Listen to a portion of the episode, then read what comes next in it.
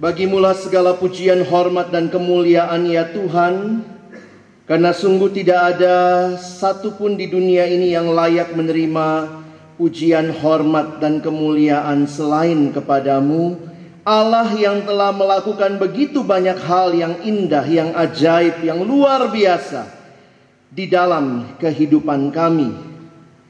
Kami menyerahkan waktu ke depan, kami akan membuka firman-Mu, buka hati kami, Jadikanlah hati kami seperti tanah yang baik, supaya ketika benih firman Tuhan ditaburkan boleh sungguh-sungguh berakar, bertumbuh, dan juga berbuah nyata di dalam hidup kami.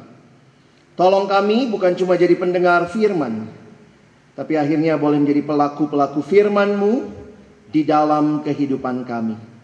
Bersabdalah ya Tuhan kami anak-anakmu sedia mendengarnya dalam satu nama yang kudus Nama yang berkuasa, nama Tuhan kami Yesus Kristus. Kami menyerahkan pemberitaan firman-Mu. Amin. Iya teman-teman, kita bersyukur sudah sampai di hari yang terakhir. Dan ada beberapa hal yang saya ingin bagikan juga. Karena saya merasa berdosa kalau saya tidak membagikannya. Gitu ya. Uh, ini buku yang bagus ya, jualan ya. Teman-teman, uh, buku yang kemarin Bang Rey sampaikan, jadilah pemimpin demi Kristus. Saya merindukan banyak pemimpin pelayanan mahasiswa, siswa membaca buku ini ya. Jadi mohon maaf kalau kemarin kalian mungkin lebih tertarik sama buku-buku yang lain. Saya sih sangat merekomendasi. Saya yang minta buku ini dibawa tapi dari kemarin saya lupa promosi. Kemarin cuma dibawa 5, saya bilang tidak, harus bawa lebih dari 5. Nah di belakang dibawa lebih dari 5. Jadi saya harap teman-teman ini penting untuk kalian baca, kalian gumulkan juga bagi pelayananmu. Dan ini banyak materi yang bisa kalian diskusikan ada banyak bagian. Nah ini semua harganya di sini nggak normal ya. itu ada kalau normal tuh berapa? Eh, uh, 65 ribu ya di sini karena nggak normal jadinya uh, 52. Lalu ini buku yang lain yang pemuridan dinamis untuk membangun bangsa. Thank you. Kalau banyak teman-teman dalam PMK bergumul tentang pemuridan, jadi ketika itu kami uh, staf perkantas uh, rapatlah kami ya, rapat berdoa dan kita ketemu kurang lebih satu setengah tahun untuk merumuskan buku ini. Ya, maksudnya satu setengah tahun materi dasar dalam pemuridan yang kami pikirkan bagi mahasiswa seperti apa, bagi siswa seperti apa dirangkum dalam buku ini ya. Jadi saya juga berharap ini uh, 24 ribu begitu ya.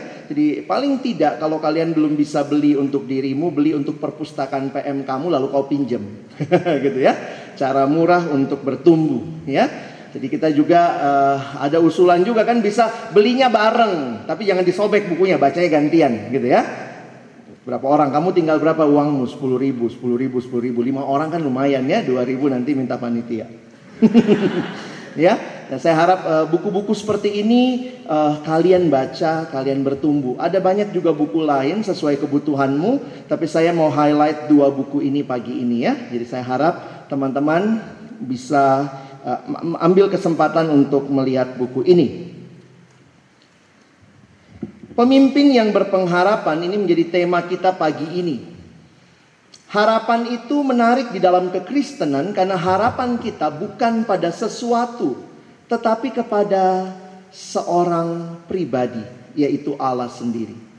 Pengharapan itu bukan sesuatu yang membuat kita seolah-olah bermimpi, tapi pengharapan itu dimulai dengan sebuah keyakinan karena apa yang sudah Tuhan lakukan bagi kita. Makanya kalau kita bicara pengharapan itu bukan sekedar a wishful thinking, an imagination, tapi itu sebuah realita bahwa Tuhan hadir dalam hidup umatnya dan Tuhan memimpin kita di dalam pengharapan yang sejati. Saya suka menggambarkan pengharapan itu dengan gambaran seperti ini.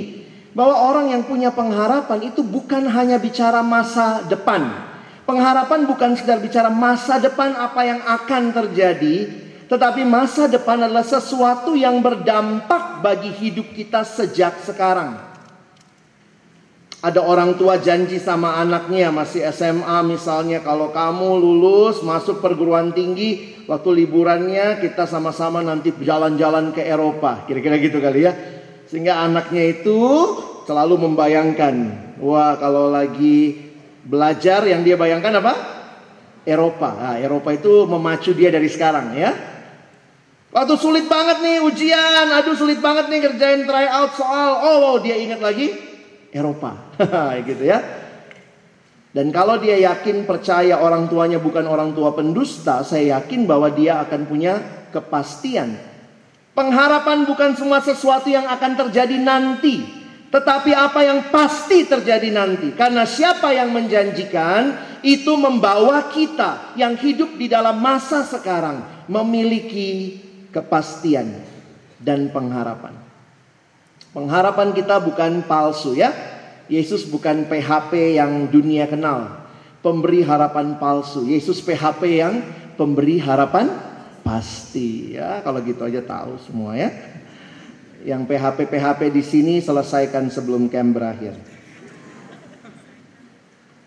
Yang titip-titip nomor, yang WA WA pura-pura salah WA, uh, udah selesaikan semua sebelum pulang ya. Ada orang soalnya begitu. Nanya sama saya, bang dia suka nggak sama saya? Lah mana saya tahu? Tiap hari dia jemput saya bang. Ini wanitanya yang tanya ya. Dia jemput saya tiap kali tanya e, besok berangkat jam berapa. Pulang kadang-kadang disama-samain walaupun rumahnya arahnya beda. Udah berapa lama berlangsung deh? Sekitar tiga bulan. Oh, tanya, yang cowok tuh harus berani nembak ya. Berhenti jadi cowok kalau nggak berani ditolak. Udah nasib kita itu.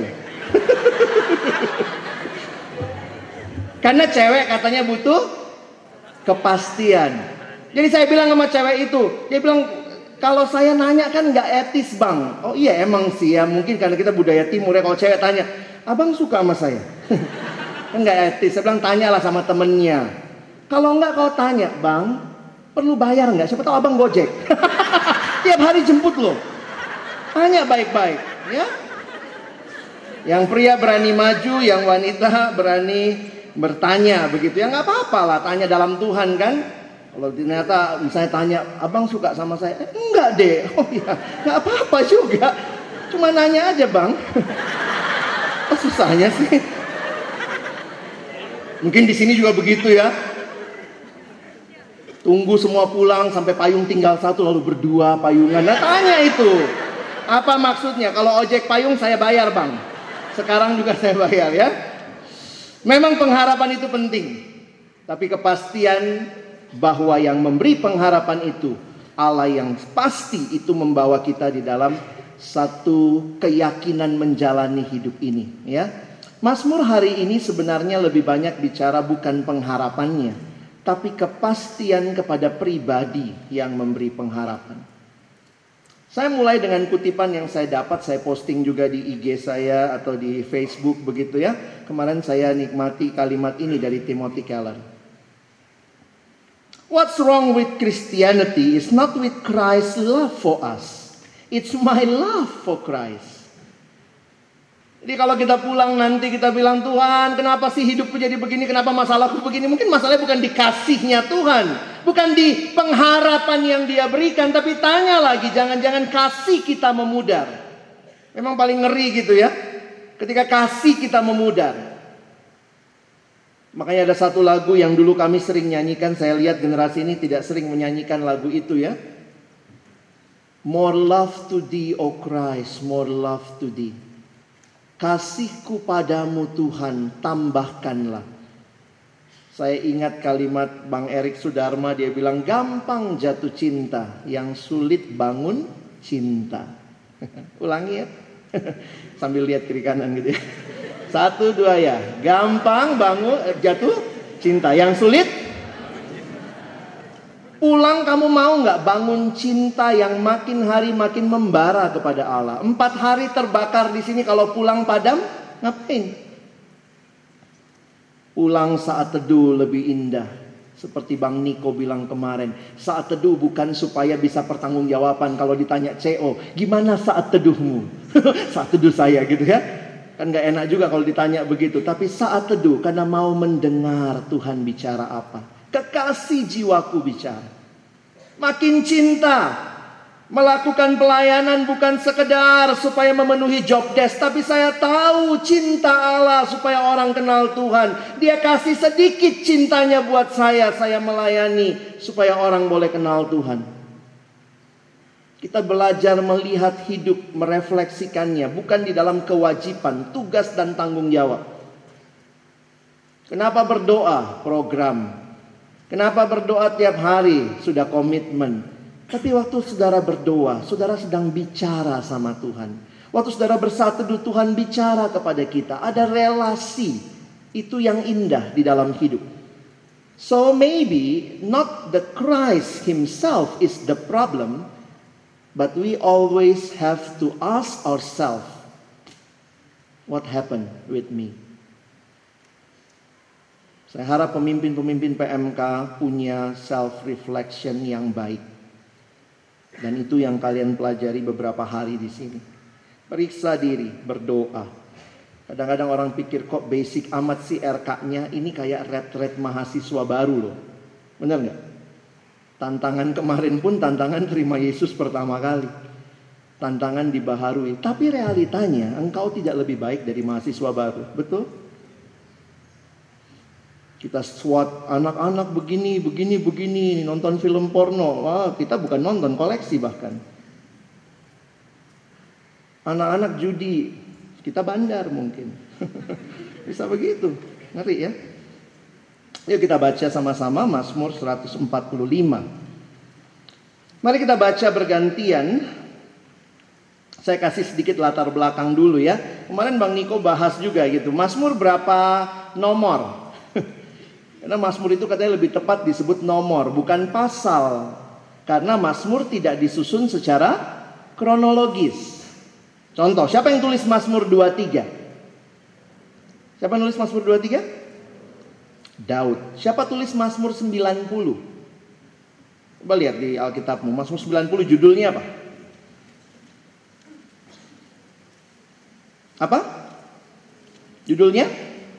Doa Musa. Tuan mana? Musa apa Daud? Musa dong apa Daud nyogok minta nomor depan gitu ya. Jadi itu berarti Mazmur tidak disusun secara kronologis. Makanya beberapa ahli teologi bilang Mazmur itu seperti buku lagu, kumpulan. Jadi bukan pasal. Kalau pasal itu karena nyambung. Tapi ini lebih bersifat nomor. Jadi kalau kalian dengar pendetamu ngomong Mazmur nomor 145, ih kayak buku ND dia bilangnya gitu ya. Itu memang benar gitu ya, kayak gitu ya. Seperti kidung jemaat gitu. Jadi nggak disusun berdasarkan tahunnya, oke? Nah Mazmur berapa nomor? 100 50. Berapa jilid?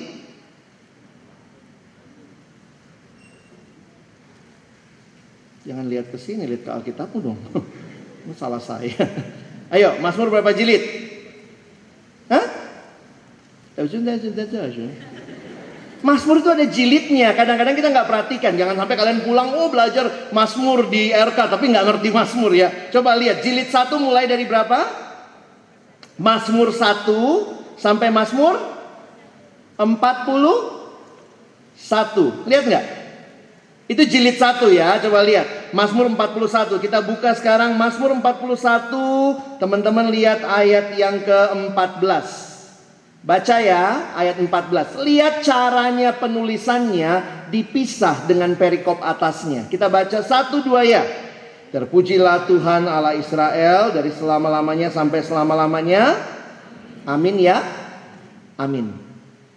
Jilid 2 pasal ayat nomor 42 sampai 72. Sekarang lihat 72, buka 72-nya, lihat dua ayat tiga ayat terakhir begitu ya, 18 19 aja. Coba lihat 18 19. Lihat cara tulisnya juga sedikit dipisah ya. Kita baca satu dua ya. Terpujilah Tuhan Allah Israel yang melakukan perbuatan yang ajaib seorang diri dan terpujilah kiranya namanya yang mulia selama-lamanya dan kiranya kemuliaannya memenuhi seluruh bumi. Amin ya. Amin. Cukup dilirik. Jilid 3. Nomor 73 sampai 89. Udah ngerti polanya. Sekarang buka 89 ayat terakhir. Baca satu dua ya. Terpujilah Tuhan untuk selama-lamanya. Amin ya. Amin. Jilid 4 90 sampai 106. Lihat 106 yang terakhir. 48. Satu dua ya. Terpujilah Tuhan Allah Israel dari selama-lamanya sampai selama-lamanya dan biarlah seluruh umat mengatakan amin. Haleluya. Oh ini kayak yang yang pikir amin ya amin salah ya. Karena bagian ini mulai masuk Mazmur haleluya. Jilid terakhir. Nah, ya. Ayo Mazmur 150 ayat 6 ayat hafalan itu. Satu dua ya. Eh, masih buka. Biarlah segala yang bernapas memuji Tuhan. Amin ya amin. Enggak, haleluya ya. Indah ya, Mazmur itu disusun teman-teman. Kelihatan dan di akhir setiap jilid beberapa penafsir mengkaitkan dengan lima kitab Taurat. Tapi tidak banyak yang bisa membuktikan sejauh mana kelima jilid itu bersesuaian dengan lima kitab Taurat. Tapi terlihat dengan jelas penyusunan doksologi di bagian akhir beberapa jilid tadi menunjukkan ini dikompilasi ya. Makanya tidak semua Mazmur ditulis oleh Daud. Jadi ini kita sedikit tambahan pelajaran Mazmur. Nah, kita akan lihat di jilid yang kelima hari ini Mazmur 145. Coba lihat sebentar uh, slide saya ya. Mazmur 145 ini dalam kumpulan Mazmur merupakan Mazmur terakhir dari Daud. Lima Mazmur di belakangnya tidak ada lagi nama Daud. Jadi memang ini seperti puncak kalau kita melihat dari apa yang Daud tuliskan dan jelas dinyatakan kalau kita baca Mazmur pertama jangan lupa kita mesti punya sense ini Mazmur apa. Nah ini jelas banget sensenya karena ada judulnya di atas ya puji-pujian. Jadi ini Mazmur puji-pujian dan disusun sebenarnya kalau kalian mengerti bahasa aslinya itu indah sekali susunannya karena disusun di dalam akrostik. Maksudnya apa? Huruf Ibrani itu ada 22 abjad. Ternyata setiap ayat mulai dengan kayak kita A. Alex adalah gini-gini. B. Bang Alex adalah gini-gini. C. Sebenarnya Alex aja semua gitu ya. Tapi dia mulainya A, B, C, D terus ya, Alef, Bet gitu ya. Kalau kalian lihat abjad Ibrani itu 22. Nah, yang memang menarik nanti kalau kita temukan ini sedikit teknis ya, bahwa huruf ke-14 hilang. Makanya ayat kita cuma 21. Ayat kita 21, padahal kalau akrostik berarti harusnya berapa ayatnya? 22. Nah, menurut para penafsir ketika menemukan naskah Qumran bahwa mereka melihat ada sebenarnya di beberapa naskah yang lebih kuno itu ada, itu ditulis dalam ayat 13b. Jadi ayat 13b sebenarnya itu adalah ayat uh, yang hilang itu. Jadi ada, makanya beberapa terjemahan kalau kalian punya Alkitab dalam uh, bahasa Inggris, saya kasih contoh ya, ESV menuliskan ayat 13b di dalam kurung. Kalian pernah lihat di dalam Alkitab kok ada kurung-kurung gitu ya? Nah, itu adalah bagian yang di beberapa naskah tidak ada. Tetapi ketika ditemukan naskah Qumran, orang makin yakin bahwa nampaknya ini ada pada awalnya. Ya, jadi 14-nya di situ. Nah, Indonesia menerjemahkannya bagus ya, uh, ada 13B-nya. Karena 13B-nya itu yang adalah 14 Tuhan setia dalam segala perkataannya. Nah ini kalau ada yang senang meneliti Mazmur lebih jauh. Jadi ketika para penafsir masa kini melihat bahwa ternyata kalau ayat itu dimasukkan pun memang sama urutannya ya. Dan keindahannya tetap sama dan itu yang huruf ke-14 yang hilang. Oke? Nah kita akan baca sampai ayat 21 kita baca bergantian ya. Uh, sebagian besar Alkitab cetak ya. Jadi bisa baca kiri kanan begitu ya. Jadi yang pria baca yang menjorok ke kiri, yang wanita baca yang menjorok ke kanan ya. Baik, saya bacakan judulnya lalu nanti pria mulai. Puji-pujian dari Daud. Aku hendak mengagungkan Engkau, ya Allahku, ya Raja,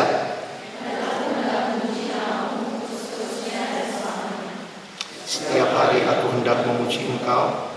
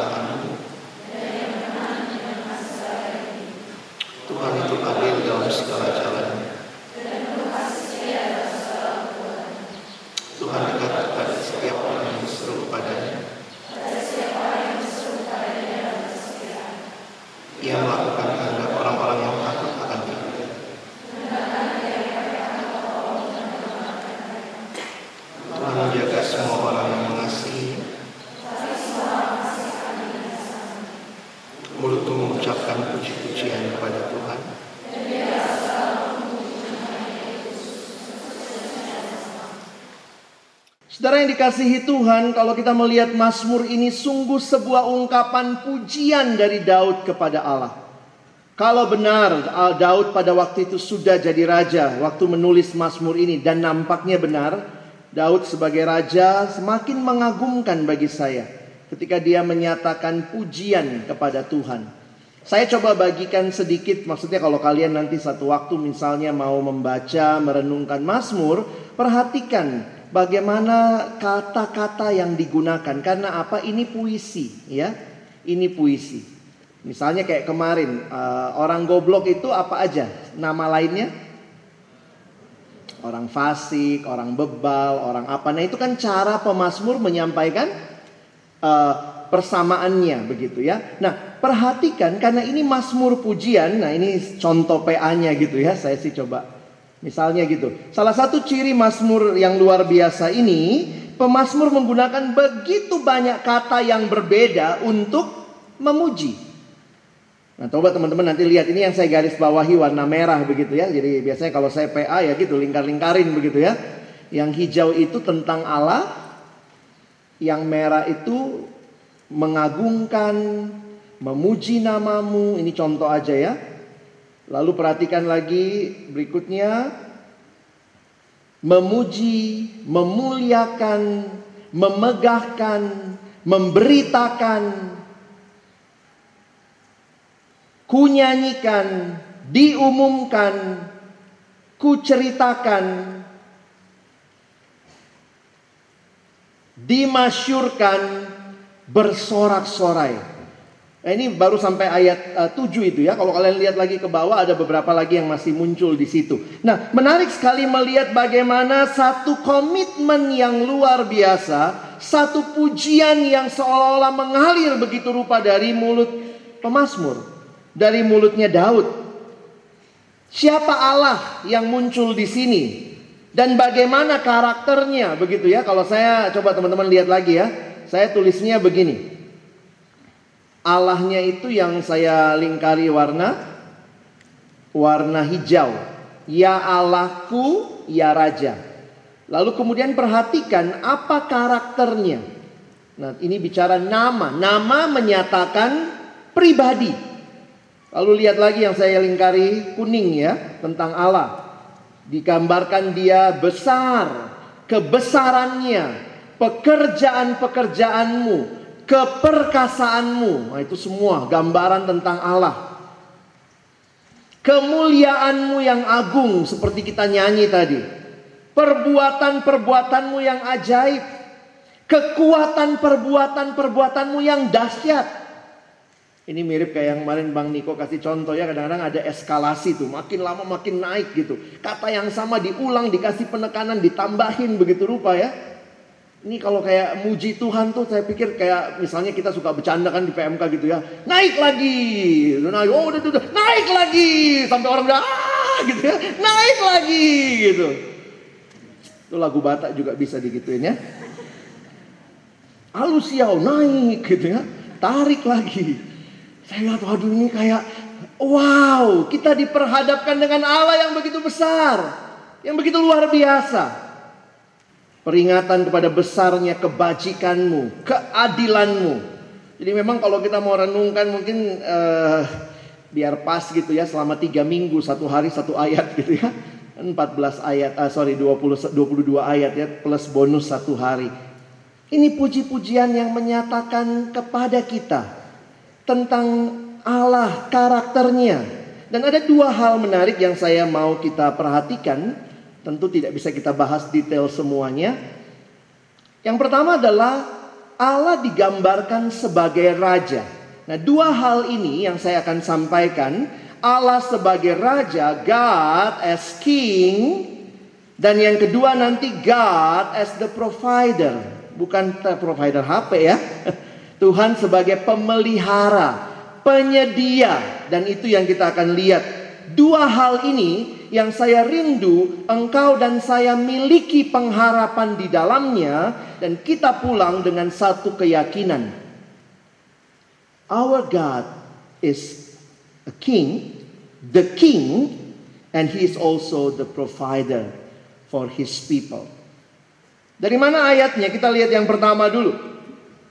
Di dalam Mazmur 145 ini ayat yang pertama dikatakan, Aku hendak mengagungkan engkau ya Raja, ya Allahku, ya Raja.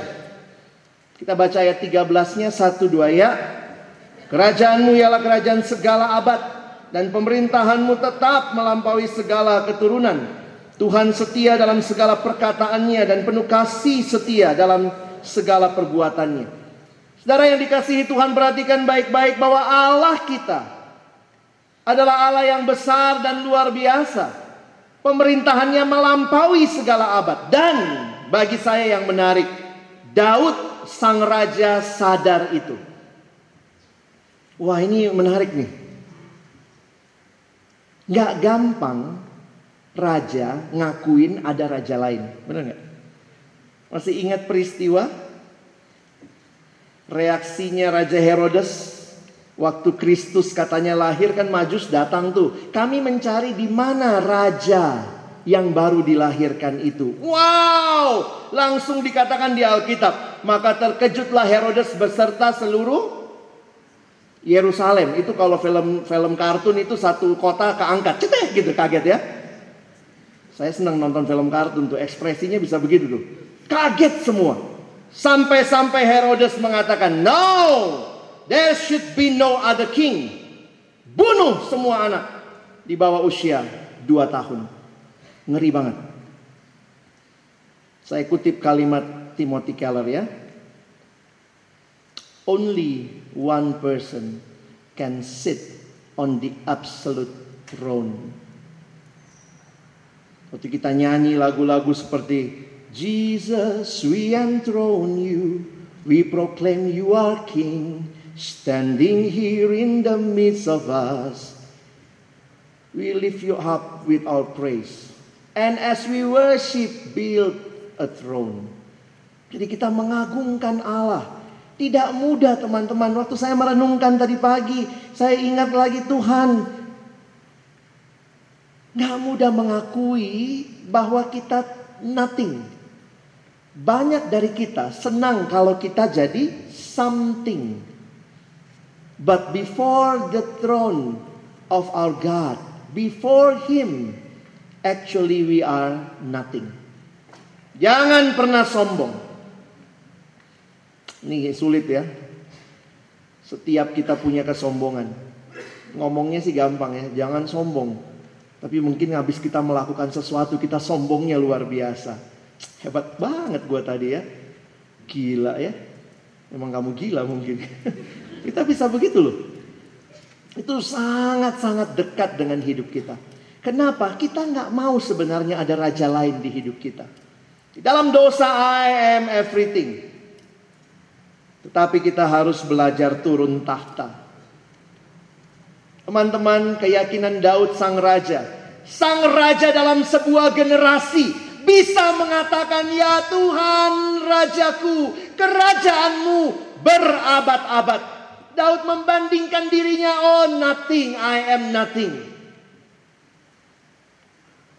Yang paling lama memerintah saat ini adalah Ratu Elizabeth dari Inggris ya. Luar biasa panjangnya pemerintahan dia, tapi dia pasti mati. Manusia selalu lupa diri bahwa dirinya bukan Allah. Kau mau pulang dengan pengharapan, jangan berharap pada dirimu. You are nothing. Jangan berharap kepada kompaknya pengurusmu. You are all nothing before the throne of God. Tuhan bisa pakai engkau di generasimu, kekompakan pengurusmu dipakai, kesungguhan hatimu, tapi ingat baik-baik. Selalu bergantung kepada King of Kings. Kings of Kings Majesty. Saya tiap kali nyanyi lagu-lagu kerajaan itu hancur hati saya. Karena sebenarnya saya bilang Tuhan saya nggak rela turun tahta. Saya masih mau jadi raja. Dan pelayanan itu dibangun ketika kita menyadari saya bukan rajanya. Sehingga kita punya pengharapan untuk pelayanan berikutnya. Oh saudara kalau engkau pikir kau immortal, kamu nggak bisa mati. Oh nggak bisa. Ini kerendahan hati yang luar biasa. Karena itu pujiannya tulus. Waktu dia memuji Tuhan, engkau rajaku. Dia berani berkata kerajaanmu ialah kerajaan segala abad, pemerintahanmu tetap melalui segala keturunan, aku bakal mati. Dan dia berkata Tuhan setia dalam segala perkataannya. Kalau kita bisa pulang dengan pengharapan seperti ini, luar biasa.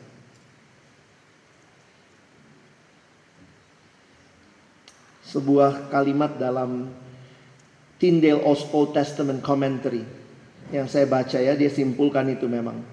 Psalm 145, Mazmur saya langsung terjemahkan. Mazmur 145 adalah sebuah pujian yang mengagungkan Allah sebagai raja dan sebagai yang memelihara umatnya yang rapuh, vulnerable people.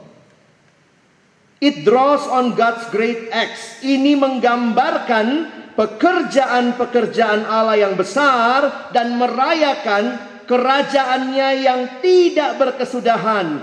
Itu jadi dasar memuji Tuhan. Saya lihat yang pertama gitu ya. Dasar memuji Tuhan bukan karena Daud dan pekerjaannya Daud. No.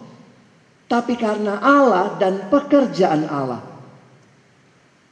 Dan kalau kita senantiasa bisa begitu, Wah hebat sekali ya. Kita akan selalu berkata, bagimulah kemuliaan. Kadang-kadang kita sukanya gitu ya, kata kalau kata Pak Herlianto di generasi saya, kita suka pakai fenomena balon gas. Kalau gasnya ditambah, naik dia ya. Waktu naik kita ikut naik. Jadi kadang-kadang kita begitu ya. Betul sih Tuhan, aku memuliakanmu Tuhan, tapi aku juga ikut dikit-dikit ya. Sampai mungkin keluar kalimat, wah luar biasa memang Tuhan berkarya. Tapi bayangkan kalau nggak ada saya di panitia ini, oh nggak jalan semua ini. Oh all the glory to me. Tumitu. Tuhan sih memang mulia, aku kena dikit. Wah, kita mulai sombong. Kampus ini banyak orang mau jadi penilik atau mungkin bukan jadi peniliknya ya, mau selesai kepengurusan suka ketakutan. Ketakutannya apa? Karena merasa saya nggak bisa lagi mengontrol. Wah itu paling ngeri ya. Bisa tuh dengan tangisan tuh. Saya nggak tahu lagi bang. Kalau saya keluar dari kampus ini jadi apa kampus ini dalam hati saya? Siapa kau? Kenapa kau begitu rupa? Nggak ada pengharapan orang ini. Kenapa? Karena kau lihat bahwa pelayanan itu jalan karena ada kamu. Memang Tuhan pakai kamu, tapi kalau the glory-nya not for you. Oh, saya bersyukur kalau kau punya beban untuk perhatikan kampusmu terus menerus. Kerinduanmu, tapi ingat bukan kau rajanya. Saya ketemu banyak pengurus yang dulu aktif banget, sekarang nggak pengurus lagi, nggak aktif. Tapi ada Tuhan Bawalah diri kita, pengurus-pengurus kita bergantung kepada Tuhan. Ini tema-tema pengulangan ya Bang Niko sudah teriakkan kemarin, saya sudah sampaikan juga. Tapi ini kiranya memberikan kita pengharapan bagi pelayanan kita. Kalau betul baginya lah kemuliaan, maka bukan aku, tapi dia. Ya. Yang kedua, dia sang pemelihara. Teman-teman raja sering kali dibayangkan sebagai yang mengatur, yang berkuasa, yang membuat keputusan. Tapi Allah kita lebih daripada sekedar raja. Seringkali di dalam banyak masmurnya Daud mengkombinasi gambaran-gambaran yang dia pahami, dia renungkan tentang Allah. Itu yang kalian bisa lihat misalnya yang Bang Febian sudah bawakan di dalam uh, persiapan hati. Mazmur 23 itu namanya masmurnya mirip seperti ini ya. Ada yang bilang itu masmur pengajaran. Memang kalau dalam masmur pengajaran itu biasanya kuncinya ada di ayat ayat pertama. Tuhan adalah gembalaku, takkan kekurangan aku. Jadi nggak usah baca bawahnya pun sebenarnya udah tahu. Apa inti masmur itu? Tuhan adalah gembalaku, takkan kekurangan aku. Di bawahnya kan cuma penjelasan manisnya, bagaimana dia memelihara. Dan itu dia pelihara luar biasa. Bagi saya Daud pasti sadar betul pemeliharaan Allah. Ya, kita baca ayat-ayatnya. Saya nggak kutip semua ayat ya, tapi ini ayat-ayat uh, pria baca ayat 9. Satu dua ya. Tuhan itu baik pada semua orang dan penuh rahmat terhadap segala yang dijadikannya. Wanita 14 15 sama-sama. Mata sekalian orang menantikan engkau dan engkau pun memberi mereka makanan Teman-teman banyak hal dalam hidup kita nggak pernah sadar Tapi ternyata Tuhan yang provide everything for us Sadar dia raja Tidak berarti dia cuma buat keputusan Dia memegang kendali Tapi juga dalam hal yang sangat detail Allah mencukupkan Dalam banyak sharing tadi malam Saya lihat kalian pun melihat Allah mencukupkan Kadang-kadang mungkin tidak seperti yang kau harapkan Maunya sih seribu pengurus ya Tapi oh, jemaatnya tiga masa seribu ya. Mana lebih banyak jemaat atau pengurus? Mana yang mesti lebih banyak? Jemaat ya. Makanya kalau pengurus tuh udah sedikit main-main lagi, ih pengen gue gampar deh. Kalau pengurus mesti diurusin, siapa lagi ngurus jemaat? Pengurus berantem, yang satu lihat yang satu, ih aku gak suka banget bang gayanya. Ih gaya orang di masa lain. Emangnya gayamu gak masalah buat dia? Tanya dulu, siapa tahu gayamu juga masalah. Kadang-kadang kan nggak prinsip ya. Kalau kayak beda pendapat, oke okay lah. Ini cuma nggak, gue nggak suka gayanya dia bang. Minta ya, jangan sampai saya satu seksi sama dia. Nggak mau saya satu bidang sama dia. Kenapa? Nengok mukanya juga, uh, gitu ya. Jadi hal-hal yang katanya sepele gitu ya. Tapi waktu saya perhatikan ini ya, Tuhan menyediakan. Dan gambaran yang diberikan di dalam Mazmur ini, Tuhan adalah Allah yang perhatikan semua ciptaannya. Dan gambaran itu, gambaran manusia, makhluk, alam ini semuanya itu begitu vulnerable.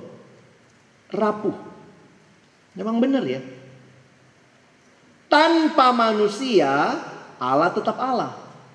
Tanpa Allah, manusia nggak bisa jadi manusia. Kita tuh eksisnya bergantung kepada kepada Allah. Nggak bisa. Kita harus mengingat dan bersyukur saya uh, warnai merah di situ. Tuhan itu penopang dan penegak. Teman-temanku dia hadir dalam pergumulanmu. Waktu engkau pulang, engkau tidak bawa janji-janji palsu, tidak. Dia hadir, dia memberikan kekuatan, dia menyertai kita, dia mau berjalan bersama kita, dia penolong kita. Tuhan adalah gembalaku, takkan kekurangan aku. Biarlah slogan-slogan ini bukan cuma manis didengar, tapi kamu alami. Itu yang kemarin Bang Niko ingatkan, niada. Kita sampai kaget waktu pertama kali belajar itu ya. Jadi waktu kejadian 4 ayat 1 itu kalimatnya apa? Maka diterjemahkan kan? Maka Adam bersetubuh dengan Hawa istrinya. Kata bersetubuh dipakai kata yada. Kalau kita terjemahinnya bersetubuh atau pakai kata kenal. Jadi waktu kenal gitu ya, bahkan teman saya bercanda, ih serem ya dikenal orang Yahudi. dikenal orang Yahudi bisa hamil loh. Maksudnya karena yada itu ya. Yada itu men mencakup hubungan relasi yang sangat dalam antara pria dan wanita. Jadi kalau kita betul-betul mengalami kenal Tuhan, ya kenal yang yang benar-benar relasi teman-teman. Itu itu bedanya ya. Saya suka tanya begini, coba pilih dari dua kata ini mana yang kau suka? Dua kalimat, mana yang lebih enak buat kamu? Kalimat pertama, wanita terkaya di dunia adalah Ratu Elizabeth dari Inggris. Ini kalimat pertama. Kalimat kedua, wanita terkaya di dunia adalah Ratu Elizabeth dari Inggris dan dia memberikan semua kekayaannya kepada saya. Ayo, suka yang mana? Pertama atau kedua? Kedua, dasar matre. Kalimat pertama itu isinya cuma informasi.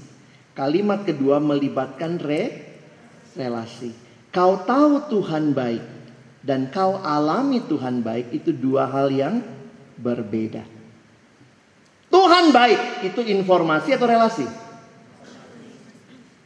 Harusnya sih relasi ya. Waktu saya datang ke anak SMA biasalah ya bikin kebaktian menjelang ujian nasional. Coba kalau kebaktian menjelang setiap kali ujian sekolah, kebaktian gitu ya. Kalau ujian nasional dikumpulin kebaktian nih. Kayak nyogok Tuhan gitu ya, dasar Kristen nih. Kebaktian ujian nasional itu saya tanya sama mereka. Oke adik-adik.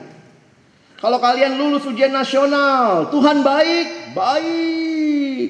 Kalau kalian gak lulus ujian nasional, Tuhan baik. Ya? Hah? Ya? Saya mau tanya, Tuhan jadi baik, jadi tidak baik tergantung pengalaman kita? Kalau saya ngalamin baik, oh Tuhan baik. Kalau saya nggak ngalamin baik, oh Tuhan nggak baik. Yang Tuhan siapa? Waktu engkau bisa berkata Tuhan baik dalam situasi hidup yang paling sulit. Seperti Raja Daud yang dikejar-kejar, dia tahu kepada siapa dia berseru. Dia mengalami kebaikan Tuhan walaupun kondisi tidak seperti yang dia mau. Beda saudara. Tahu bedanya, apa bedanya tahu sama tahu? Tahu sama tahu. Saya cerita ya, mudah-mudahan kalian dapat bedanya. Ini cerita tentang penjual tahu. Penjual tahu di Sumedang, satu waktu dia bilang ada satu orang mau pergi ke Jakarta merantau jual tahu. Dia bilang sama teman-temannya, saya mau ke Jakarta jualan tahu. Dan ternyata dia belum pernah ke Jakarta, saudara.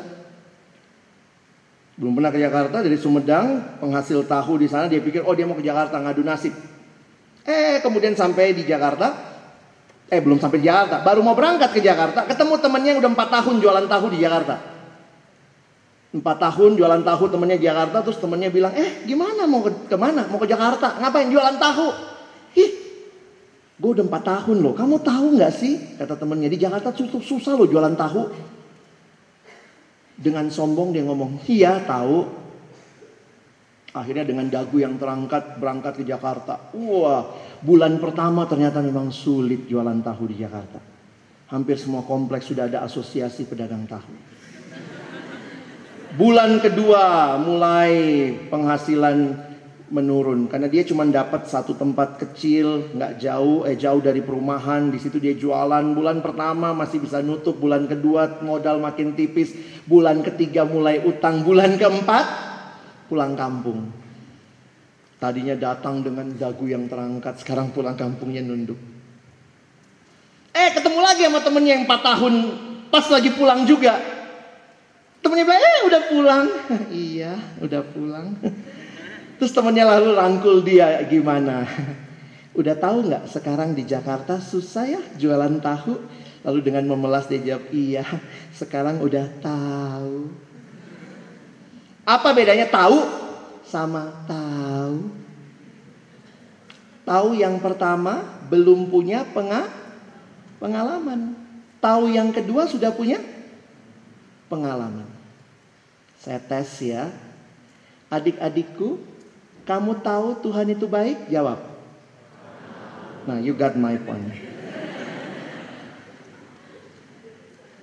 Oh, mungkin di retret ini sih kalian bakal jawabnya, tahu bang. Oh, Tuhan itu penopang, penegak, tapi begitu pulang Tuhan, pengurusku masih dia lagi Tuhan, gitu kali ya. Oh, nggak ada yang berubah. Saya mau kita makin dalam, seperti yang Bang Niko jelaskan kemarin ya. Yada, makin kenal Tuhan, makin tahu siapa dia, makin tahu siapa dia, makin kenal diri kita juga. Makin sadar saya butuh bergantung kepada dia. Dia raja, dia pemelihara. Tuhan adalah gembalaku. Waktu engkau berkata Tuhan gembalaku, waktu saya pelajari tentang domba itu gitu ya. Bang Febian kemarin bawa domba, saya nggak sempat. Ini lihat aja langsung. Domba itu ternyata hewan yang kuat sekali berdiri. Dan juga kuat makan. saya kalau bicara domba kayak berasa gitu loh. Kuat berdiri. Kalian duduk, gue berdiri nih. Kuat makan. Putih-putih gemuk. Tuhan, gue semua. Oh ternyata tuh domba itu ya hanya mau berbaring kalau cukup makan. Domba bukan anjing ya. Yang dikit-dikit langsung berbaring pasrah sempurna. Enggak. Domba itu hanya mau berbaring kalau cukup makan. Makanya kalau kita baca Mazmur 23, Tuhan adalah gembalaku takkan kekurangan aku. Ia membaringkan aku di padang yang berumput hijau. Sampai baring loh. Berarti Tuhan sediakan makan. Domba makannya banyak. Makan, makan, makan rumput gundul. Ini dibaringkan di padang rumput yang hijau. Berarti bangun lapar. Masih ada. Hebat tuh Mazmur. Kalau kamu cuma baca sekilas gitu ya, saya sangat menyarankan PMK PMK pelihara domba supaya kamu mengerti bagaimana penggembalaan, ya. Mungkin kalian butuh kandang. Selain beli buku, ada bibit domba di belakang, beli. Supaya kamu mengerti kedombaan, ya. Terus domba itu penakut, tapi penakut kenapa? Dia rabun kan? Kata Bang Febian juga rabun gitu ya. Domba itu suka hilang arah, makanya ada ilustrasi tuh ya domba udah rabun bodoh lagi. Ih, saya juga rabun. bodoh, pas banget gitu. Waduh bener waktu saya bicara domba kayaknya inilah. Jangan pikir kita pintar loh. Domba itu suka cari jalannya sendiri padahal goblok. Udah goblok rabun. Makanya ada ilustrasi domba yang hilang. Ya nggak pernah ada uh, uh, perumpamaan gembala yang nyasar. Gembala nggak tahu diri itu. Domba nyasar banyak. Waktu saya perhatikan begitu tapi ternyata Tuhan kayak pas banget pilih ilustrasi ya. Tuhan bilang aku gembala kamu domba. Hai pemimpin PMK kamu cuma domba goblok rabun. Kita butuh Allah dan kalau dia ada takkan kekurangan aku. Indah sekali itu. Ia apa ya? Apa dia bawa aku ke air yang tenang. Domba itu jadi bayangkan ya, suka banyak makan, nggak bisa cari makan sendiri karena rabun. Terus kalau minum, minumnya juga maunya di air yang tenang. Nah kalau airnya beriak-riak, maka domba gembala itu katanya bahkan biasanya bikin dam dulu. Kalian tahu ya sistem uh, ini pola fisika begitu ya? Kalau ada arus yang deras, taruh hambatan kayak berang-berang bikin dam, maka air ke sini pasti lebih lebih tenang. Jadi waktu saya bayangkan air yang tenang domba ini banyak banget mintanya ya. Udah goblok minta lagi. Makanya waktu saya baca Tuhan engkau gembalaku, aku domba. Aku tuh yang kayak begitu Tuhan. Makanya saya agak cukup menghayati gitu ya. Udah rakus, banyak makan, goblok, bodoh. Merasa saya pintar, tahu jalan sendiri. Tapi Tuhan bilang no. Aku yang gembala. Karena itu waktu kita minta Tuhan tolong aku menggembalakan domba milikmu. Berarti sebelumnya kita mohon Tuhan gembalakan saya. Saya pun domba. Jemaat kita domba, kita juga domba yang sedikit lebih pintar. Dulunya goblok juga, tapi ya atau mungkin ya, sama-sama goblok deh. Tapi kita lebih dulu kenal Tuhan mungkin. Dan itu yang kita rindu membawa yang lain kenal Tuhan. Dan kebutuhan kita yang banyak itu. Kita nggak tahu arah Tuhan mau ke mana PMK ini. Kita nggak tahu bagaimana mencukupkan kebutuhan. Tuhan bilang aku gembalanya. Kita datang atau tidak kepada gembala itu. Kita mau nggak berkata Tuhan, Engkau gembalaku. Daud raja punya segala-galanya, tapi dia bisa bilang Engkau penopang. Engkau yang menegakkan. Raja yang sadar betul. Engkau harus dipuji karena I am nothing. You are the king. You are the provider. And I am nothing without you. Pengharapan kita bukan pada diri kita, Makin bagus kita kerjakan PMK kita. Pengharapan kita bukan kepada banyaknya pengurus, kekompakan kita. Semua itu pasti penting di tempatnya. Tapi pengharapan kita kepada Allah. Dia Allah. Yang ketika dia ada. Itu yang paling kita butuhkan. Satu waktu ada cerita ya. Cerita itu tentang gereja di Amerika gereja di Amerika ini suka pasang iklan di koran supaya orang datang ke gerejanya. Jadi udah langganan sama koran ini. Jadi dia selalu bilang setiap Kamis dari koran itu telepon ke pendetanya. Pak pendeta, apa uh, pengumumannya buat hari Minggu? Uh, terus pendetanya lewat telepon kan udah biasa ya. Udah ya nama gereja nggak berubah Pendetanya nggak berubah. Tanggal jangan lupa ya, nanti tanggal hari Minggu besok. Lalu kemudian bahas apa Pak Pendeta? Tulis aja temanya Mazmur 23. Tuhan adalah gembalaku. Terus kemudian oh ya oke okay, Pak Pendeta. Uh, ada lagi? Terus pendeta bilang enggak enggak itu udah cukup. Terus kemudian uh, dia tutup telepon. Dia kaget banget. Hari Jumat pagi di koran lokal tempat biasanya ada. Waktu dia perhatikan semuanya sama, nama gereja, nama pengkhotbahnya, tanggalnya udah diubah, tapi dia kaget waktu baca bawahnya. Ditulis di situ. Tema Mazmur 23. Tuhan adalah gembalaku, koma, itu sudah cukup.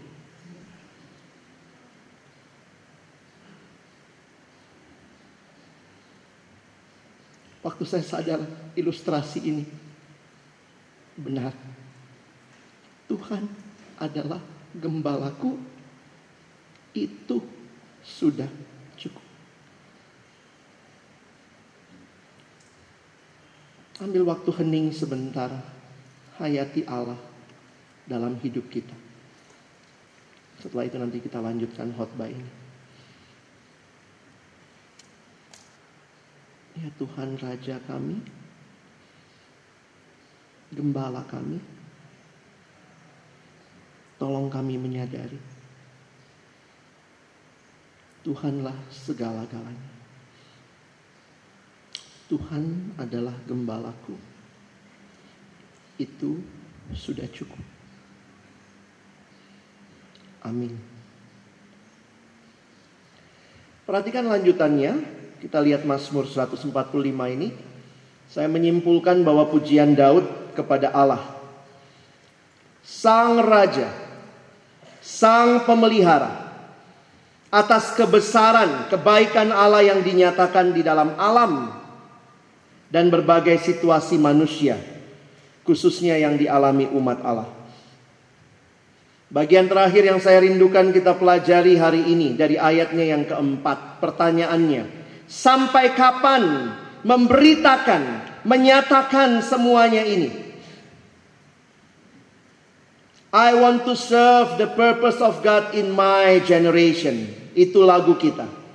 Ayat 4 memberikan pemahaman yang lebih luas. Angkatan demi angkatan akan memegahkan pekerjaan-pekerjaanmu dan akan memberitakan keperkasaanmu. Teman-teman perhatikan petunjuk tentang waktu di dalam Mazmur ini beragam.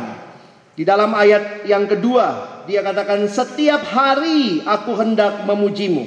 Tapi ayat satu bicara jauh lebih luas. Aku hendak memuji namamu untuk seterusnya dan selamanya. Ayat dua bagian akhir, aku hendak memuliakan namamu untuk seterusnya dan selamanya. Ayat empat memberikan petunjuk ini. Angkatan demi angkatan memegahkan pekerjaanmu. One generation shall command your works to another and shall declare your mighty acts. Saya coba jelaskan dari perspektif yang saya baca dari bukunya atau dari tulisan John Piper. Apa maksudnya memberitakan dari angkatan ke angkatan? Bukankah angkatan kita berlalu? Maka ada tanggung jawab yang menarik. Saya langsung terjemahkan. Secara Alkitabiah adalah tugas setiap generasi orang Kristen untuk melihat bahwa generasi selanjutnya mendengar tentang perbuatan Allah yang besar. Generasimu harus memastikan regenerasi bukan program saja sampai ke bawah, tapi setiap generasi memastikan bahwa generasi berikutnya mengenal siapa Allah yang melakukan perbuatan yang ajaib. Itu regenerasi yang sesungguhnya. Bukan cuma program diteruskan, simbol Alkitab disampaikan, padahal pengurus-pengurusnya sebenarnya tidak kenal siapa Allah. Kalau demikian, harus dimulai dari kita yang memperkenalkan perbuatan Allah yang ajaib. Piper melanjutkan kalimat ini. Tuhan tidak memberikan kita setiap generasi satu Alkitab yang baru. Enggak, Alkitabnya yang zaman dulu, yang jadul. Tetapi ingat, karena itu, karena Alkitabnya cuma satu dikasih di zaman yang lampau, maka Allah menghendaki generasi yang lebih tua atau yang sebelumnya akan mengajarkan kepada generasi yang baru untuk membaca, memikirkan, mempercayai, mentaati dan bersuka cita di dalam perintah-perintah Allah. God intends that the older generation will teach the newer generation to read and think and trust and obey and rejoice. Jangan berhenti meregenerasikan perbuatan-perbuatan Allah yang besar yang disampaikan dari generasi ke generasi. Berarti jangan berhenti mengenal Tuhan, belajar firman-Nya, menyampaikan firman-Nya dari generasi ke generasi. Baca ini terus tadi pagi saya ditohok-tohok gitu, ditoreh-toreh begitu ya. Memang benar bahwa Tuhan menarik secara personal. Setiap generasi Tuhan membawa ada orang-orang yang percaya kepada Dia, itu pekerjaan Tuhan. Tetapi bicara tentang kebenaran, biblical truth, itu Tuhan berikan kesempatan kepada generasi sebelumnya untuk mengajarkan. Bagus ya, kalau Tuhan langsung orang begitu selamat langsung Tuhan install pikirannya semua ayat Alkitab ya. Wih, saya dapat pengurus yang udah ready, made. Kenapa PMK? Setiap generasi harus memberitakan Injil, harus membina orang dalam pemuridan, harus meregenerasikan pelayanan karena ini bagian kita. Tuhan bawa orang bertobat, tapi tidak sampai di situ. Engkau harus mendidiknya, membangunnya, membinanya. Because God's greatness shall be passed from generation to generation. Kayak lagu gitu ya. People from every nation and tongues, from generation to generation, we worship you. Hallelujah, hallelujah, we worship you for who you are. You are king, you are God, you are everything for me. Lalu dia lanjutkan kalimat ini. Roh Kudus memang turunnya dari atas ke bawah kalau kita pikirnya begitu ya. Tetapi kebenaran Allah itu sifatnya horizontal, diajarkan kepada sesama manusia. Wah, terus lagi dia bilang begini ya. Pemimpin yang tidak memuliakan Allah di dalam pengajaran mereka itu tidak akan membawa kemuliaan bagi Allah. Kalau pelayanan kita memuliakan diri, aku, aku, aku, aku, maka tidak ada Kristus yang dimuliakan di situ. Yang kita teruskan bukan pelayanan. Kita sedang meneruskan diri kita. Sehingga dia lihat gejalanya. Ketika persekutuan kering, dry, unemotional, tidak ada hati yang berteriak menangis untuk dosa, indifferent teaching, tidak peduli dengan pengajaran tentang Allah. Di gereja, di rumah, kalau ini yang diajarkan, itu katanya cuma half truth. Kita mengajarkan tanpa kita menghidupinya. Lalu dia lanjutkan, it says one thing about God and portrays another thing. Di mimbar disampaikan tentang Allah. Kita bicara tentang Allah tapi kita tidak sungguh-sungguh kenal dia. Itu inconsistent. Kita bilang Tuhan great. Tapi melalui kehidupan pengajaran kita. Sebenarnya kita nggak percaya Tuhan itu great. Nggak habis tadi pagi saya baca lagi ini gitu ya. Kayak disobek-sobek hati saya. Dan penutupnya One generation shall praise your works to another and declare your mighty acts. What we want from generation is not just head full of right facts about the work of God. Seperti doa teman kita semalam. Bukan cuma banyak doktrin, tahu semua fakta. Lihat yang saya bold di situ. We want heads full of right facts. Jangan buang doktrin. Kamu tetap butuh doktrin. Tapi tidak berhenti sampai di doktrin. Bukan hanya kepala yang penuh dengan kebenaran-kebenaran Alkitab. Tapi ada hati that burns with the fire of love for the God of those facts. Hati yang terbakar, menjerit, mengalami kasih Allah yang memulihkan. Dan kemudian menyampaikan kebenaran-kebenaran itu di dalam kasih yang membara. Hidup rohani tanpa doktrin itu seperti tulang tanpa daging. Tapi hidup rohani hanya doktrin tanpa pengalaman rohani itu seperti tulang tanpa daging. Tadi daging tanpa tulang, ini tulang tanpa daging. Kita maunya hidup rohani yang rangkanya, dagingnya utuh. Uh, sorry, uh, tulangnya utuh dagingnya juga berisi. Tuhan kasih kami bukan cuma pengajaran yang baik, tapi hati yang mengalami dibakar oleh cinta Allah. Untuk pergi, memberitakan Injil, menyampaikan tentang Allah dari generasi kepada generasi, kepada generasi, kepada generasi. Ini tanggung jawab kita. Mazmur yang indah ini bukan pujian satu generasi.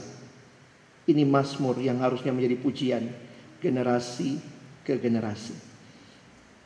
Sebagai penutup, memuji Allah sebagai raja dan menyerukan kerajaan yang mulia. Seluruh bumi memuji Tuhan yang menyediakan yang dibutuhkan ciptaannya. Tapi jangan lupa teman-teman, kerajaan yang tidak berlalu dalam sepanjang zaman adalah kerajaan Allah, Kristus sendiri. Kita baca ya, satu dua ya.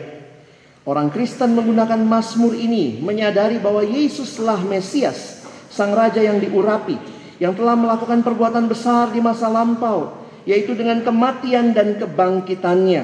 Next. Yesus telah mendirikan kerajaan Allah di tengah kita. Dan kita semua menantikan kedatangannya kembali sebagai Raja yang akan memerintah atas seluruh ciptaan. Kita bukan hanya menikmati kerajaan yang luar biasa di zaman Daud. Tapi Kristus datang mengokohkan kerajaan itu.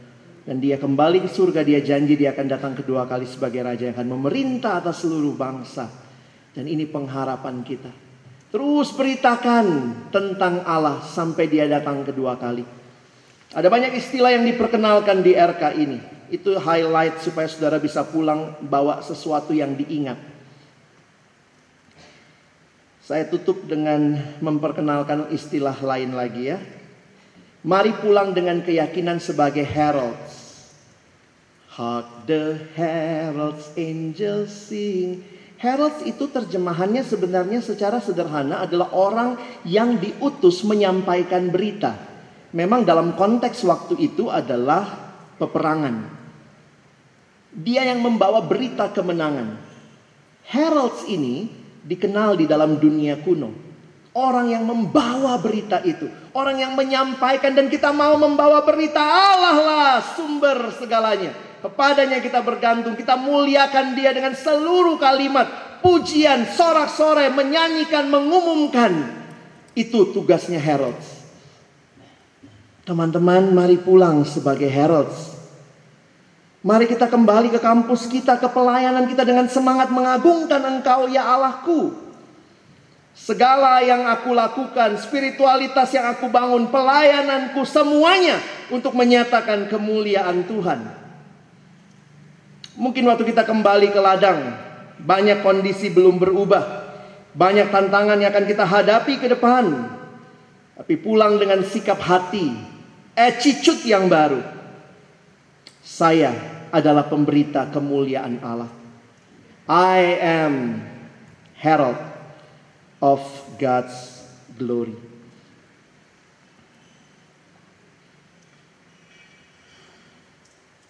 Yang saudara beritakan melalui perkataan dan lakumu. Biarlah orang melihat siapa Allahmu yang besar. Kita kembali dengan beberapa identitas baru untuk dihidupi ya. Saya simpulkan sedikit. Dari khotbah saya, khotbah Bang Niko, teman-teman you are spiritual leader. Pemimpin yang dipimpin Allah, bergantung penuh kepada Allah untuk memimpin sesama. Teman-teman pulanglah, engkau adalah wounded healer. Engkau adalah penolong yang terluka. Allah pulihkan engkau untuk memulihkan sesama. Pulanglah dengan menjadi sahabat, being best friend dan pulanglah sebagai pemberita kemuliaan Allah, the heralds of God's glory. But keep in your mind, tapi ingat, ini slide terakhir saya. Ingatlah, kita bukan hanya pulang jadi heralds di generasi kita kamu pulang mempersiapkan sebuah generasi yang juga akan menjadi pemberita-pemberita kemuliaan Allah. Maukah kita ambil tugas ini? Menjadi pemimpin rohani yang bersedia terus bergantung dan dipimpin oleh Allah. Menjadi penyembuh yang terluka, sadari terus engkau butuh pemulihan. Dan waktu engkau dipulihkan, Tuhan pakai efektif bagi sesama. Kau pulang jadi sahabat bagi pengurus di kampusmu, bagi kampus-kampus di sekitarmu, orang-orang yang bisa kau dengar, kau doakan, kau jangkau, dan pulang menjadi pemberita kemuliaan Allah. Dan ingat, siapkan generasi yang juga akan memuliakan Allah. Prepare a generation that will be the heralds of God's glory. Tuhan memberkati kita. Mari kita berdoa. Tuhan terima kasih buat firman-Mu. Sekali lagi bakar hati kami. Supaya bukan hanya banyak pikiran yang kami bawa pulang dari sini. Banyak catatan banyak hal-hal yang kami post di Instagram kami. Tapi lebih dari itu bakar hati kami menyala-nyala untuk menghidupi setiap kebenaran yang kami dengar, kami ditantang di tempat ini. Kami pulang menjadi orang-orang yang membawa kemuliaan Allah nyata melalui hidup kami, perkataan kami, perbuatan kami, menyatakan sungguh Engkaulah Allah yang luar biasa. Terima kasih Tuhan. Teruslah berbicara kepada kami, menyapa kami, supaya kami bangun, bangkit bagi kemuliaan Tuhan di generasi ini tapi ingatkan kami terus mempersiapkan generasi-generasi yang mengenal Allah, yang akhirnya hidup mereka mau mereka persembahkan sepenuhnya bagimu. Kami bersyukur dalam nama Yesus kami berdoa. Amin. Mazmur 96 ayat 1 dan 3. Nyanyikanlah nyanyian baru bagi Tuhan, menyanyilah bagi Tuhan, hai segenap bumi. Ceritakanlah kemuliaannya di antara bangsa-bangsa dan perbuatan-perbuatannya yang ajaib di antara segala suku bangsa.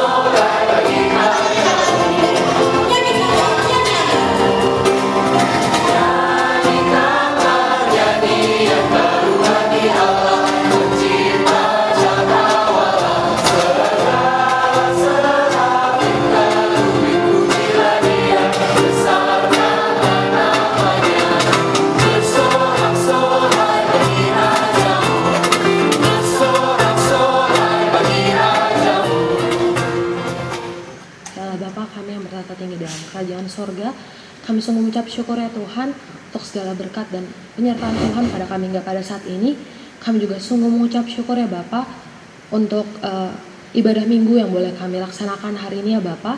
Kami sungguh mengucap syukur juga untuk setiap firman yang boleh kami dengar. Biarlah Tuhan melalui firman ini Tuhan yang mengubahkan hidup kami yang pada akhirnya kami pun boleh membagikannya di dalam PMK kami masing-masing ya Tuhan. Ya Bapak mau mengucap syukur juga ya Bapak untuk Bang Alex yang boleh membagikan firman tersebut.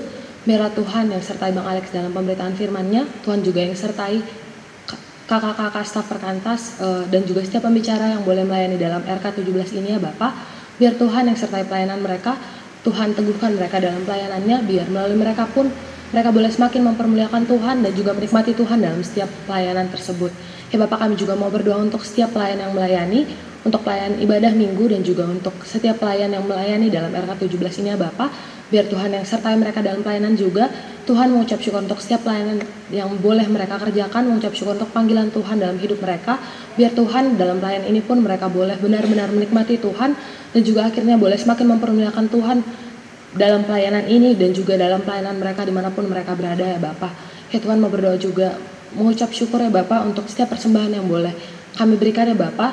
Ya Tuhan kami tahu tidak seberapa nilai dari persembahan ini, tapi kami yakin dan percaya Tuhan yang mempunyai kuasa dan yang punya segala hal di dunia ini ya Bapak.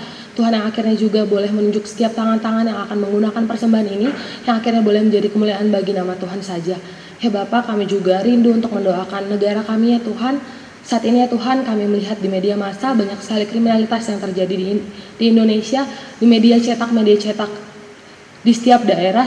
Tidak henti-hentinya ya Tuhan memberitakan bahwa banyak sekali tindakan kriminalitas yang, kriminalitas yang terjadi, pembunuhan, pencurian, perampokan, pemerkosaan, dan kriminal, kriminalitas lainnya Bapak. Kami tahu ya Bapak, akar dari masalah ini adalah pengenalan yang kurang akan Engkau ya Tuhan. Miskinnya kerinduan kami untuk semakin mengenal Tuhan dan menghidupi Tuhan secara pribadi dalam kehidupan kami. Biarlah Tuhan kami peserta-peserta RK, pelayan-pelayan Tuhan di tempat ini Tuhan bisa memiliki kerinduan pada akhirnya untuk memberitakan firman Tuhan dan akhirnya boleh semakin uh, giat Tuhan untuk uh, semakin banyak orang yang mengenal Tuhan juga sehingga kriminalitas maupun fenomena buruk yang terjadi dalam negara kami boleh akhirnya terselesaikan ya Bapak. Ya Tuhan mau berdoa juga Tuhan kami sungguh mengucap syukur untuk setiap buku yang boleh kami baca, untuk setiap fasilitas yang boleh kami lihat Tuhan untuk memperlengkapi diri kami. Tapi kami tahu Tuhan bahwa di, di Indonesia khususnya masih banyak teman-teman kami yang bi, belum mendapatkan akses untuk membaca buku. Ya Tuhan biarlah Tuhan kiranya yang gerakan setiap kami, gerakan setiap teman-teman kami juga ya Tuhan yang punya kerinduan untuk akhirnya membagikan buku-buku itu Tuhan kepada teman-teman kami dan akhirnya bisa membangun perpustakaan Kristen di Indonesia Tuhan. Biar semakin banyak orang yang bisa memperlengkapi diri akan untuk semakin mengenal Tuhan. Ya Bapak, kami juga mau berdoa ya Tuhan untuk uh, kami uh, hari ini adalah hari terakhir kami dalam RK ya Tuhan.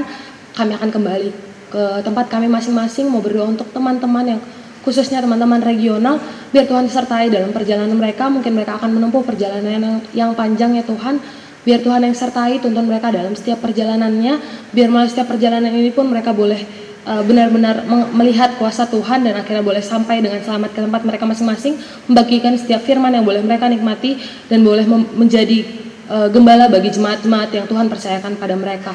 Dan untuk teman-teman yang mungkin akan kembali ke tempat yang di sekitar Jabodetabek Tuhan juga yang boleh sertai setiap perjalanannya Bapak Ya Tuhan, kami tahu Tuhan kami adalah manusia yang tidak pernah luput daripada dosa, tapi kami yakin dan percaya karena kasih karunia Tuhan, Tuhan mengampuni kami, menebus kami dalam nama anakmu Yesus Kristus. Hanya inilah doa kami ya Bapak, kami yakin dan percaya Tuhan yang senantiasa mendengar dan menjawab doa serta kerinduan kami, seturut dengan waktu dan kehendak Tuhan saja. Terima kasih ya Bapak, kami berdoa dan mengucap syukur. Amin. Aku ingin melayani tujuan Allah dalam generasiku Kalimat di atas bukanlah jargon belaka. Untuk mencapainya, kita harus mampu mengetahui apa isi hati Allah dan apa yang harus kita kerjakan bagi kita diri kita. Karena itu RK hadir untuk menolong setiap kita menjadi pemimpin yang memiliki spiritualitas yang sehat untuk mampu menangkap visi Allah bagi diri kita, bagi kampus kita, dan bagi generasi kita. I want to serve the purpose of suffer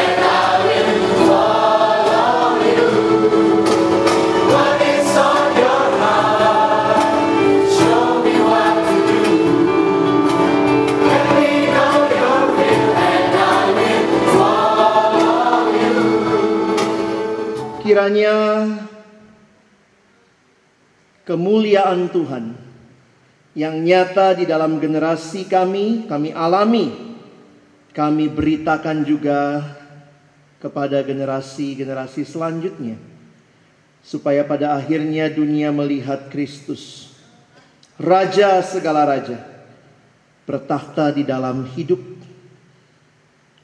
dan juga pelayanan kami.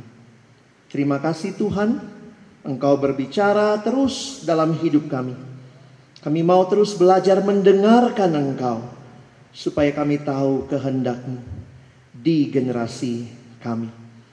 Ingatkan kami terus kepemimpinan yang berhasil bukan memimpin dengan kekuatan seorang diri tapi dengan menyerahkan diri dipimpin Allah bergantung penuh kepada Allah untuk akhirnya memimpin sesama membawa mereka mengenal bukan kami sebagai orang-orang yang menjadi saluran tetapi mengenal engkau Allah sumber segala-galanya. Dan kami mau pulang di dalam berkat yang daripada Tuhan. Kiranya kasih karunia dari Tuhan Yesus Kristus, kasih yang kekal dari Allah Bapa, di dalam pimpinan, penyertaan, persekutuan rohnya yang kudus, menyertai kita sekalian hari ini, sampai selama-lamanya. Amin. Bapak terima kasih. Bapak